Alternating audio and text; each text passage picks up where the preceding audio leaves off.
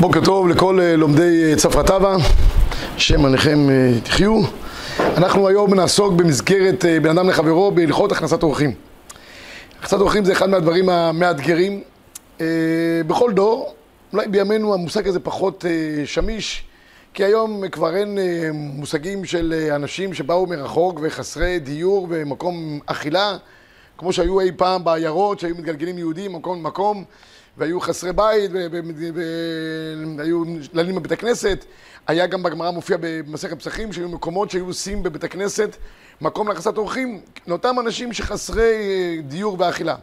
אנחנו בימינו פחות, פחות הדבר הזה שכיח, לכן יותר נעסוק בדברים שאנשים נכנסים פנימה לתוך הבית ואנחנו מעריכים אותם, האם יש בזה גם גדר של הכנסת אורחים ומה משתמע מכך. קודם כל לגבי עצם עניין של הכנסת אורחים, זה דבר שהוא מופלג עד כדי שאנחנו רואים בגמרא וגם במדרש שגדולה הכנסת אורחים יותר מהגבלת פני שכינה שהרי אברהם אמר לקדוש ברוך הוא ויאמר אדוני אל נא תעבור מעל עבדיך תחכה רגע, אני אתעסק עם האורחים שלי.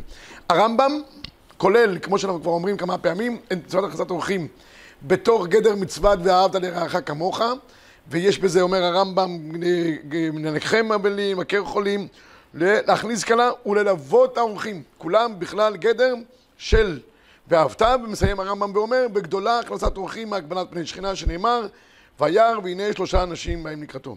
המאירי כותב שהכנסת אורחים היא בכלל הדברים שהם הקרן אה, מובטח לעולם הבא, והפירות הוא אוכל בעולם הזה. וזה אחד מהדברים החשובים הגדולים ביותר שיכולים להיות. בעל מנורת המאור כותב דבר אה, מופלא. אומר מנורת המאור, שבהכנסת אורחים אנחנו יכולים לקיים שני דברים. גם צדקה זה השיעורים הקודמים שדיברנו עליהם, צדקה בממונו וגם חסד שבגופו. זה שאדם נותן לאנשים לאכול, זו צדקה. זה הוא מוציא, מוציא מעצמו ממון על מנת שאנשים יוכלו לאכול, זה צדקה. והכנסת אורחים כהכנסת אורחים זה חסד שבגוף. וזה בגדר גמילות חסדים. כמו שאמרנו, גדולה גמילות חסדים יותר מן, הצדקה. הרב זילברשטיין, בחישוקי חמד, שיש לו אה, שאלות מעניינות ומרתקות על כל הש"ס, מביא שאלה מעניינת, מה קורה בין בני זוג שהבעל רוצה להביא אורחים והאישה מונעת. הרבה פעמים בתוך אה, הבית פנימה בין בני הזוג הבעל קל לו להביא אורחים, מה הבעיה שלו להביא כמה חבר'ה הביתה? האישה לחוצה שהאירוח יהיה כדי ביי ויהיה להם מה לאכול והבית יהיה מסודר אה, כמו שנשים דואגות לבני ביתם. אם הדבר הזה יכול לגרום בהכנסת אורחים למצב שיש חוסר שלום בית מה עדיף? חוסר שלום בית, או יותר נכון, שלום בית לעומת הכנסת אורחים. הרב זימרשטיין כותב שבגמרא כתוב, בשולחן ערוך כתוב מצוות עשה ליתן צדקה כפי העסקת ידו ויש בזה עשה ולא תעשה, עשה של לתת צדקה פתוח תפתח ולא תעשה לא תאמץ את עמך וכל המעלים ואינם צדקה נקרא בלי יעל וכולי ויש חשש שמא ימות העני המבקש כמו שמצינו אצל נחום איש גמזו בגמרא במסכת אה, תענית אז אומר פה הרב זמנשטיין, לכאורה, אם עניין של הכנסת אורחים גובלת בענייני פיקוח נפש עד כדי שיש חשש שהעני הזה חלילה ימות כי הוא אין לו מה לאכול, ברור שזה עדיף הכנסת אורחים על פני שלום בית. ומצאנו ראייה מפורשת בגמרא מסכת ברכות, מעשה בחסיד אחד שנתן דינר לעני בערב ראש שנה, בשני בצורת, והקנתו אשתו והלך ולן בבית הקברות. מי שמסתבך עם אשתו, הגמרא אומרת, הוא לא רחוק מבית הקברות בסופו של דבר.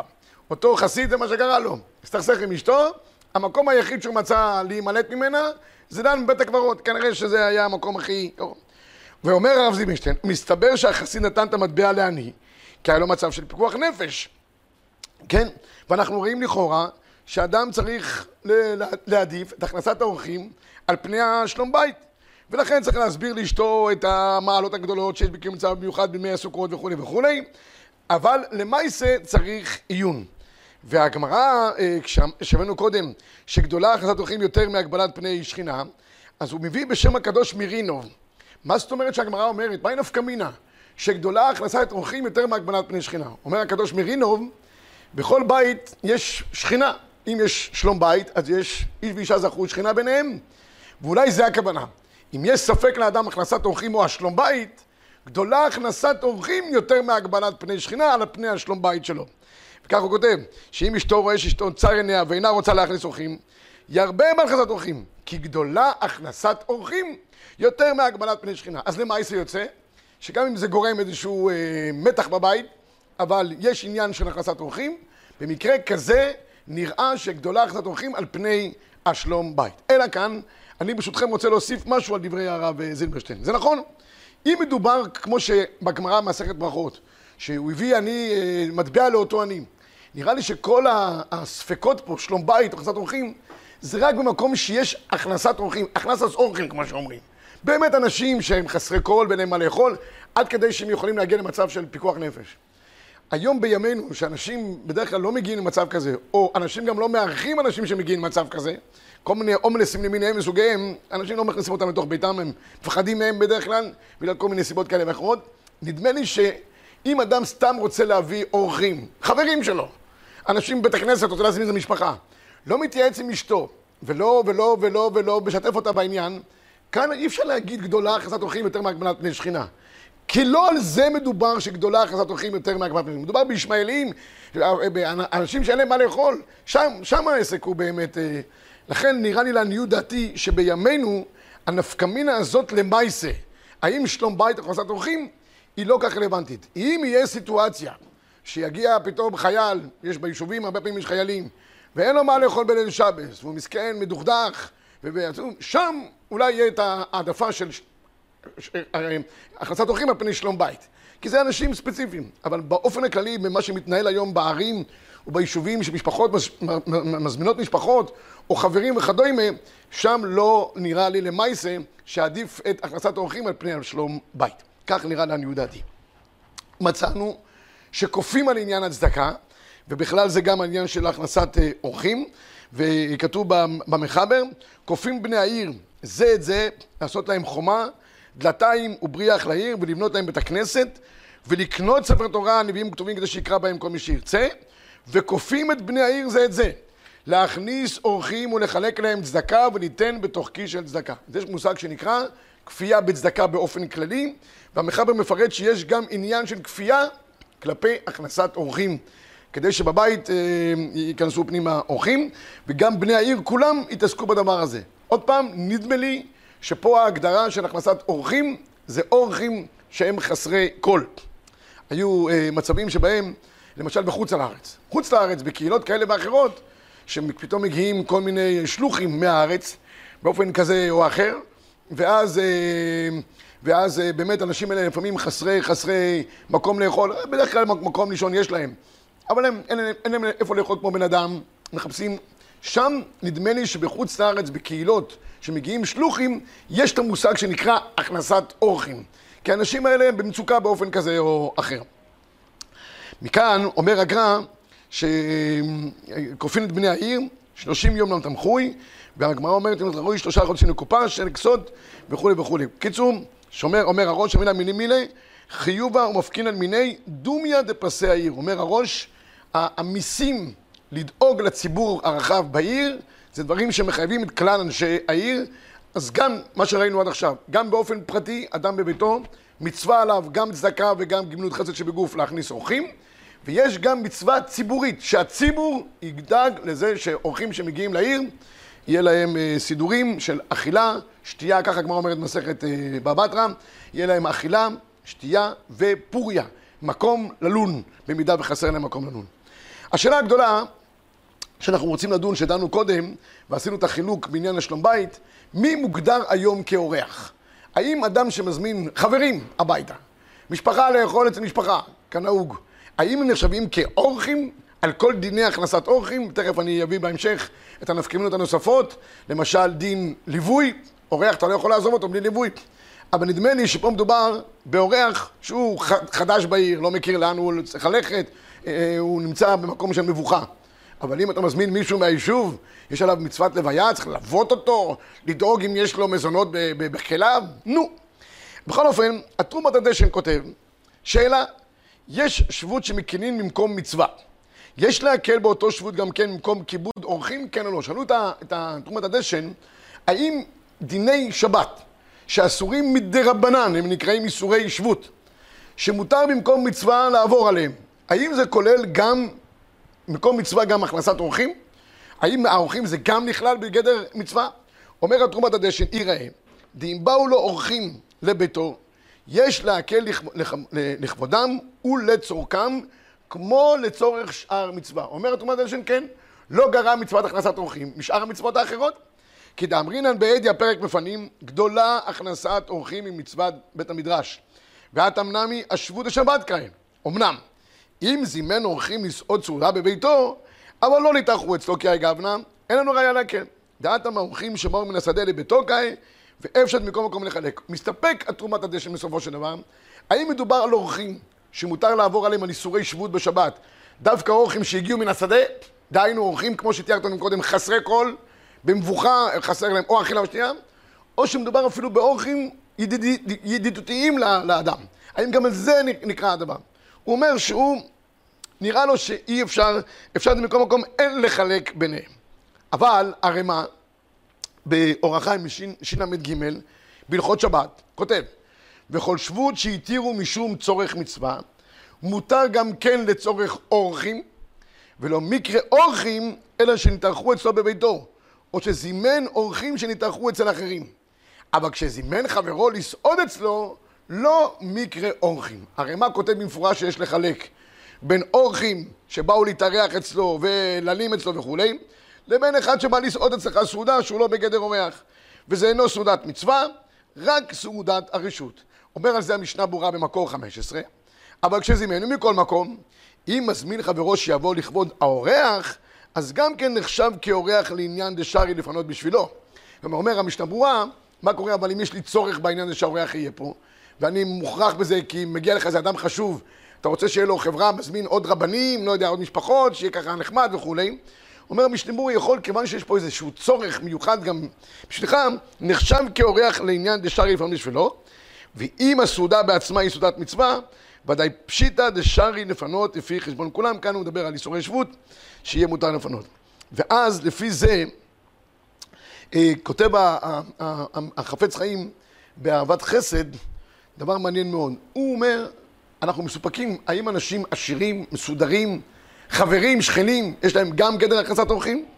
הוא מחדש חידוש נפלא.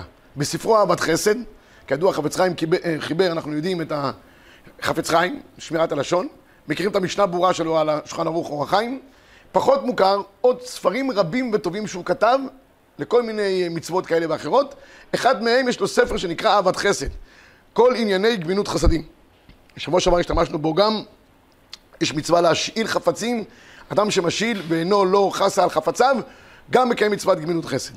בעניין של הכנסת אורחים כותב החפץ חיים, מקור 16, ידוע עוד, דמצוות הכנסת אורחים נוהג אף בעשירים. כמו שכתב בספר יש נוכלים בשם מעריל.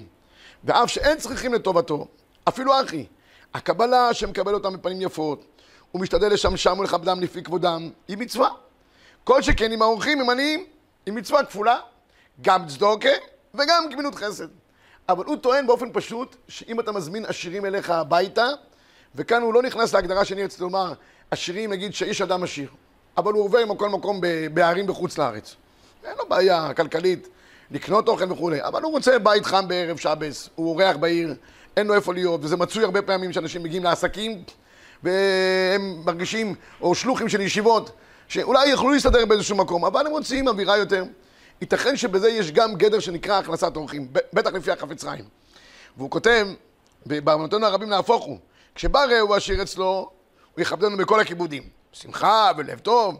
כשבא איש עלוב אצלו, שמקיים בזה, בתופק למה ונשיך, ונפש נענה תשביע, וזרח בחושר אורך, אין שמח בו כל כך, ולפעמים גם בלב עצב. ומה שמאכיל אדם להניע שולחנו נקרא כקורבן המזבח. כי דהית בחגיגה, רבי יוחנן משה קיש אמרי תביו, מזמן מקדש קיים, בית המקדש מכפר. עכשיו שולחנו של אדם מכפר עליו. איזה שולחן, אומר החפץ חיים? שולחן שאדם מארח בו אורחים, מכפר עליו. כן? ואיתה מסכת דרך ארץ, הרחמנים, מאכילי רעבים, משקיעי צמאים, מלבישי ערומים, חלקי צדקות. עליהם הכתוב אומר, אמרו צדיק כי טוב, כי פרי מעלליהם יאכלו. בכל אופן, מכאן מגיעה גם השאלה הבאה, לא רק האם יש לנו שלוש, שתי דרגות. אחד, אנשים נזקקים, שהם ודאי נחשבים כאורחים לכל דבר ועניין, גם צדקה וגם גמינות חסד. יש לנו אנשי ביניים, קרובים, חברים, ידידים, עשירים, שלפי החפץ חיים יש עליהם גדר הכנסת אורחים אבל לא צדוקה, גם אותם צריך לקבל בסדר פנים יפות. וההגדרה השלישית, עם נפקא מינא למעשה, אדם שמזמין את בני משפחתו אליו לשבת. האם הם נחשבים גם כאורחים, כן או לא? פשוט משני הלכות, הוא כותב, לגבי הורים שמזמינים, אה, מתאכסנים אצל הילדים, או, או להפך, נותנים אכילה, שתייה ולינה, ושמח מאוד על המצווה הגדולה, ומי הוא עבר על דברי הרמ"ם והראה לו שכתב שלא מקרה אורחים שנתארחו אצל ביתו, או שזימן אומר, המשנה, משני הלכות, מי ששאל את השאלה, קשה לו דברי הרמ"א. הרמ"א אומר, מה זה נקרא אורחים? רק אנשים חסרי קול, עניים. אבל אלה שבאים אצלך ככה, שאתה שמח בהם, זה לא נקרא. אבל כשזימן חברו לסעוד, לא מקרה אורחים. ואינו סעודת מצווה. ולפי זה יש, יצא לומר, דהוריו נמי כיוון שהם מאותו עיר, אבל לכזימן חברו באותה עיר. לא מקרה אורחים, אינה מצווה, הכנה מי בהורים, אין הכי נמי. הוא טוען באמת, בגימל הגדרים שאנחנו אמרנו, שמי שמזמין את הוריו אליו, או שזה בתוך קפסולה של משפחה, בנים אצל הורים, הורים אצל בנים, זה לא נקרא בגדר של, של, של הכנסת אורחים. זה או כיבוד אב ואם להורים שאתה מזמין אותם, מארח אותם כמו שצריך, או קרבי משפחה בין הבנים שבאים להתארח אצל ההורים, אבל לא, אבל לא מעבר לדבר הזה. הוא כותב, מי שיארח אותם יפה, יזכה לאריכות ימים, עושר וכבוד וכולי, אבל זה לא בגדר הכנסת אורחים. מהי נפקא מינא רבי ישי לגבי הנוכחים? אני אביא שני... אחד, האם אנחנו, מותר לנו לבטל תורה בשביל הדבר הזה? זה חוברת הבאה שנעסוק. האם כולל בו גם מצווה שאני צריך ללוות אותם, כמו שיש דין של אכילה, שתייה אשל, אכילה, שתייה, לוויה לאותם אורחים? זה יהיה נפקא מינא. האם זה נקרא גדר של גמינות חסד שבגוף, או לא? זו השאלה. כמו שאמרתי, כל זה קיים ודאי לכולם, באנשים חס, חסרים או לעניות דעתי, גם אנשים שיש להם, אבל כרגע הם נמצאים בבעיה זמנית לאותה שבת, שהם לא יכולים להתארח או לישון, ולגבי עניין של משפחה ידידותית לסעודה אחת, לפי הרמז זה לא הכנסת אורחים, יש מי שטוען שכן, אבל חפץ חיים, הוא טוען שכן, אפילו עשירים, וכל קרבה, קרבת המשפחה במתארחים אחד אצל השני, זה לא נקרם. עוד נפקא מינה מעניינת לגבי ברכת אורח. ברכת המזון אנחנו מוצאים שיש ברכת אורח, אדם אוכל, צריך לברך בעין טובה. ישנם שני נוסחאות של ברכת אורח, אשכנזים, ספרדים. אשכנזים כדרכם, הברכה יותר מצומצמת.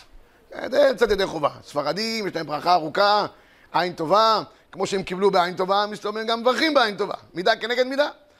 האם מי שפירטנו עכשיו, צריך להגיד ברכת אורח, כן או לא? אורחים, כמו שהגדרנו, במצוקה באופן כזה, ודאי שהם אורחים, ודאי שהם חייבים לברך את בעל הבית. לפי המשנה ברורה, גם אנשים שהם עשירים או שכנים או חברים, גם הם בכלל אורחים, גם הם צריכים להגיד ברכת אורח. משפוחה, בפשטות, לא צריכים להגיד ברכת אורח. אני לא חושב שזה מזיק, אבל השאלה היא האם יש פה עניין שיגידו ברכת אורח, שהמחבר מזכיר את זה בהלכה, יכול להיות שזה הנפקא מילה גם נוספת, בתוך משפחה שבנים אצל הורים או הורים אצל ילדים, שבאים להתארח כדרך כל האיחוד המשפחות שיש, זה לא נכלל בכלל גדר אורחים, וממילא גם לגבי ברכת אורח לא צריכים לעשות. טוב, מי חייבים בהכנסת אורחים? הפשטות היא שכל בני הבית, נכון שאולי האבא או האמא צריכים לדאוג, אבל כל בני הבית חייבים להיות שותפים בהכנסת אורחים.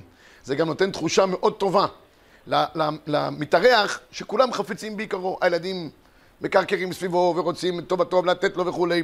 אם הוא רואה שההורים מארחים אותו, אבל הילדים בפנים זרופות, מרגישים שהכניסו להם מישהו הביתה, תקעו להם איזה נטע זר בתוך הבית, הוא מרגיש לא בנוח. והעניין הוא שבעיקר קצת אורחים זה לא רק מתנות לנו לאכול ולישון, אלא התחושה שלו. הארת פנים שיש שם. ולכן זה דבר שהוא אה, חשוב ביותר שכולם שותפים. מאיפה לומדים שכולם צריכים להיות שותפים? מאברהם אבינו. אברהם אבינו מכניס האורחים הגדול, ואל הבקר רץ אברהם. הוא שלח את הנער, ושרה נמצאת באוהל. כולם סביב האורחים. כך צריך להתנהל בית שעוסק בחסד ובגמינות חסד. כולם שותפים בעניין. מכאן גם נראה עוד נקודה אחת חשובה, זה שאדם עושה את המצווה הזאת של גמינות חסד, יעשה אותה בחשק מוגבר. כן, אני רק... אה, חסד, חסד מוגבר זה נמצא במקור 20, אנחנו רואים בפסוקים של החזת אורחים של אברהם אבינו שהוא המקור, וירוץ לקרותם, וימהר אברהם האוהלה, נסרה עמו, נסרה איש, ויאמר, מר איש, שלושת שיאים, קמח סולת, פלוש זוגות, ולבקר רץ אברהם, ויקר ממנו, כפתן לנער, וימהר לעשות אותו. הכל נעשה בצורה של מהירות, של ריצה, של חפץ לב. מה שאדם לא מעוניין עושה בכבידות, ובעצלתיים. ומה שאדם שמח בדבר, עושה את זה במהירות ובשמחה יתרה וכולי. ככה אנחנו צריכים ללמוד מאברהם אבינו. ועל זה אומר רבינו בחיי מקור 21, דרשו חז"ל, כי אברהם היה מחזר אחר אורחים מביאם לביתו. שכן אמרו במדרש, ארבעה פתחים היו בביתו של אברהם לארבע אורחות העולם. וכל מי שנכנס בפתח זה יוצא פתח אחר. כדי שלא יתבייש מפני עוברי דרכים. ולא עוד, אלא שהיה מחזר אחריהם ורץ לקראתם. שנאמר וירא וירוץ לקראתם. עליהם הכתוב אומר, יש מפזר ונוסף עוד. לא די שהוא נותן את הצדקה, הוא נוסף עוד. האופן שבו האדם מארח, השמחה, הטוב לבב והריצה, הרי שהם מהווים חלק אינטגרלי מכל עניין הכנסת אורחים. עכשיו ניגע בדבר מאוד מעניין. יש מצוות הכנסת אורחים, צריך לדאוג להם, להכין אותם, לתת להם מקום, כמו שאמרתי, גם לפוריה, בין על היחיד, בין על ציבור, קהילה או יישוב או עיר, הכל טוב ויפה. היה צריך אורח, השקעת בו.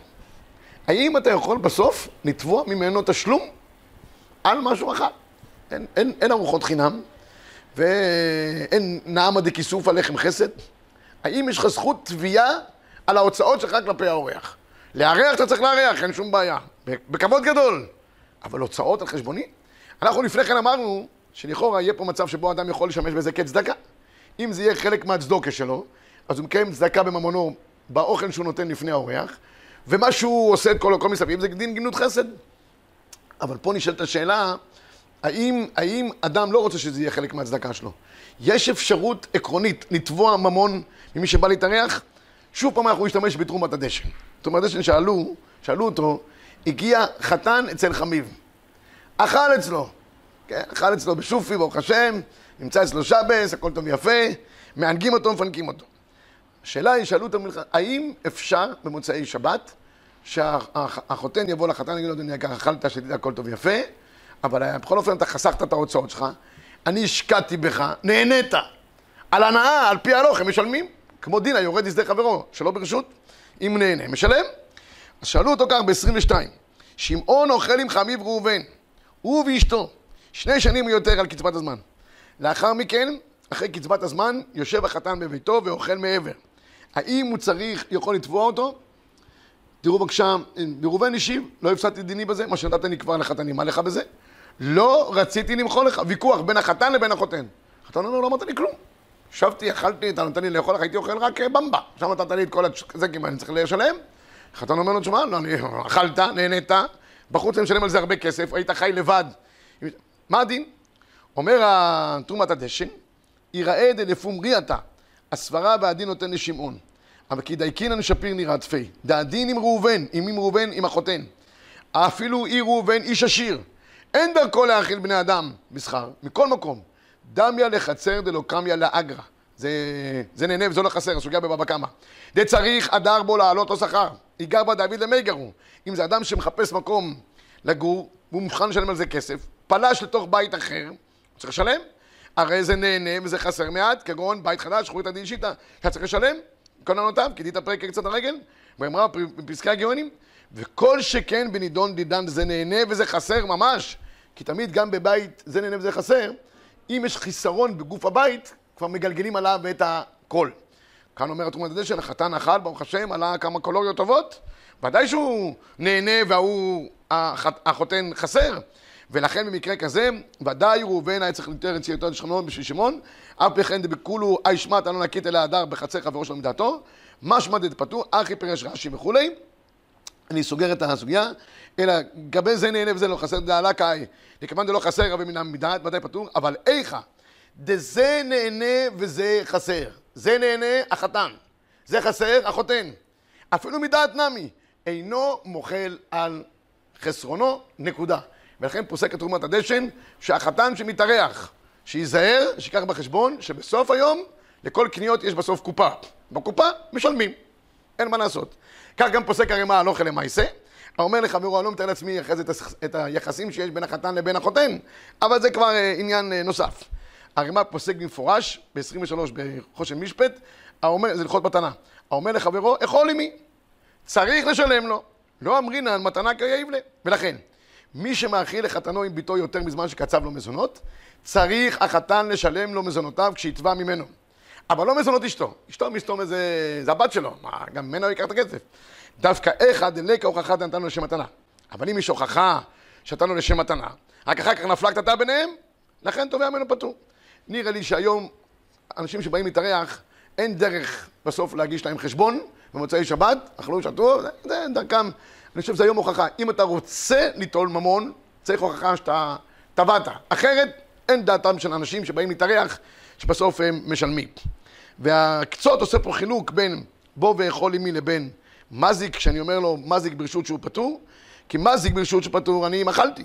אבל מי שאוכל אצל חברו אומר הקצות, נהנית. אבל הנאה משלמים באופן כזה או אחר.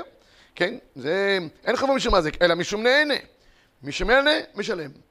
בכל אופן, זה הזה. אני כן חושב אבל, שאם באים שניים להתארח, אה, מזמינים מקום במסעדה לדון באיזשהו עניין, זה פשוט ברור שכל אחד משלם, אף אחד לא יכול להגיד, הזמנת אותי. כן? אין פה תביעה. אבל בהכנסת אורחים המקובלת היום, כמו שאמרתי, זה תפס היום פנים חדשות, כל הכנסת אורחים, ייתכן שבמקרה כזה, התביעה היא לא רלוונטית, כי אין דרכם של בני אדם לשלם בעבור אירוח, בטח בבתים שאנשים מתארחים אחד אצל השני. הדבר האחרון שניגע בו היום זה סגולות. אנחנו עם סגולה מכל העמים, מחפשים תמיד סגולות. הסגולה הכי טובה זה תפילה ותורה. זה הסגולה. יש אנשים שהולכים לכל מיני מקומות אפלים, חושבים שמה ימצאו מזור לעצמם. היחיד שמוצא שם מזור זה מי שמכניס את הכסף לכיסו. הוא היחיד שנהנה מהדבר הזה. כל השאר לא. הגמרא אומרת, יש מקרים מיוחדים שאדם חלילה נמצא באיזשהו צורך, אז ילך אצל החכם ויתפלל עליו. חכם זה צריך להיות, קודם כל, הרב אליהו תמיד לימד אותנו, צריך להיות תלמיד חכם בעל שיעור קומה. שתפילתו תישמע במרומים. אנשים שהם לא מוחזקים תלמידי חכמים. נראים אולי טוב, יש להם כובעים, חליפות, כל מיני אה, נתן, נתן לבנימין, אה, נראים ככה יפה. אבל מה לעשות שבדברים האלה התפילה לא נשמעת.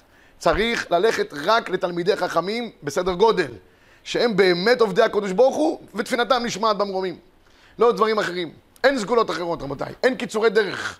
אדם צריך לדעת שתורה ותפילה, ואנשים, אה, זה, זה תפילה שיכולה להישמע.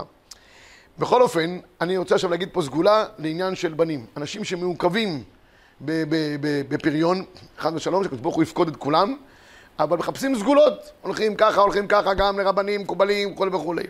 אני מציע פה סגולה פשוטה, בלי לקחת שום פדיון. יש בכד הקמח לרבנו בחיי. מצינו שמצווה הזאת של הכנסת אורחים, שהפרי שלה והשכר שלה בעולם הזה הם הבנים. שכל הזעיר בה זוכה לבנים. מי שגורם להכנסת אורחים בשמחה ובטוב לבב, זוכה לבנים. שכן מצינו באברהם אבינו. כי מתחילה היה אברהם עץ יבש, לא בנים. אחר שנתן נטייה, זו שאם שלה כתוב לעץ, זכה לבנים. ולכן נראה לו הקדוש ברוך הוא במקום אילנות, במקום אילוני מורה, ושם בשרו המלאך שישוב עץ הלך ויהיה לו בן. פש, פיל הפלואים. אומר הרבנו בחיי, איפה אברהם אבינו זכה לבשורת הבן? תוך כדי שהוא עוסק בהכנסת אורחים. שם הגיע המלאך ואמר לו, כעת חיה, לשרה בן. זה הסגולה רבותיי, הסגולה הכי טובה. וכך כתוב גם בחפץ חיים, גם זוכה עבור מצווה זו, אם הוא מוחזק בלבנים, כדאיתא בתנחומא פשט העצה, שרמזה התורה במעשה אברהם אבינו, שלאחר שאכלו, אמר, אמר המלאך, שוב השם אליך, והנה בן לשרה אשתך. סגולה גדולה לבנים, הכנסת אורחים. אני חייב לציין לכם, לספר לכם, היה יהודי שלא היה, לא זכה, והקים מלונית בבית חולים, בדרום, ליד, ליד ביתנו. אנשים שבאים בשבת אה, עם, עם, עם חוליהם, ותוך זמן קצר הוא נפקד, בלי עין הרע, בבנים רבים. ומאז שגילו את הדבר הזה, כל האנשים שהם מעוכבים רוצים להשתתף איתו ולתרום. רואים שם ישועות בלתי רגילות בהכנסת אורחים. שנזכה בעזרת השם הכנסת אורחים. אני רק אומר ששבוע הבא, בשבוע אחרי כן נעסוק בהלכות ראש השנה וימים נוראים, הבאים עלינו ועל כל ישראל לטובה ולברכה.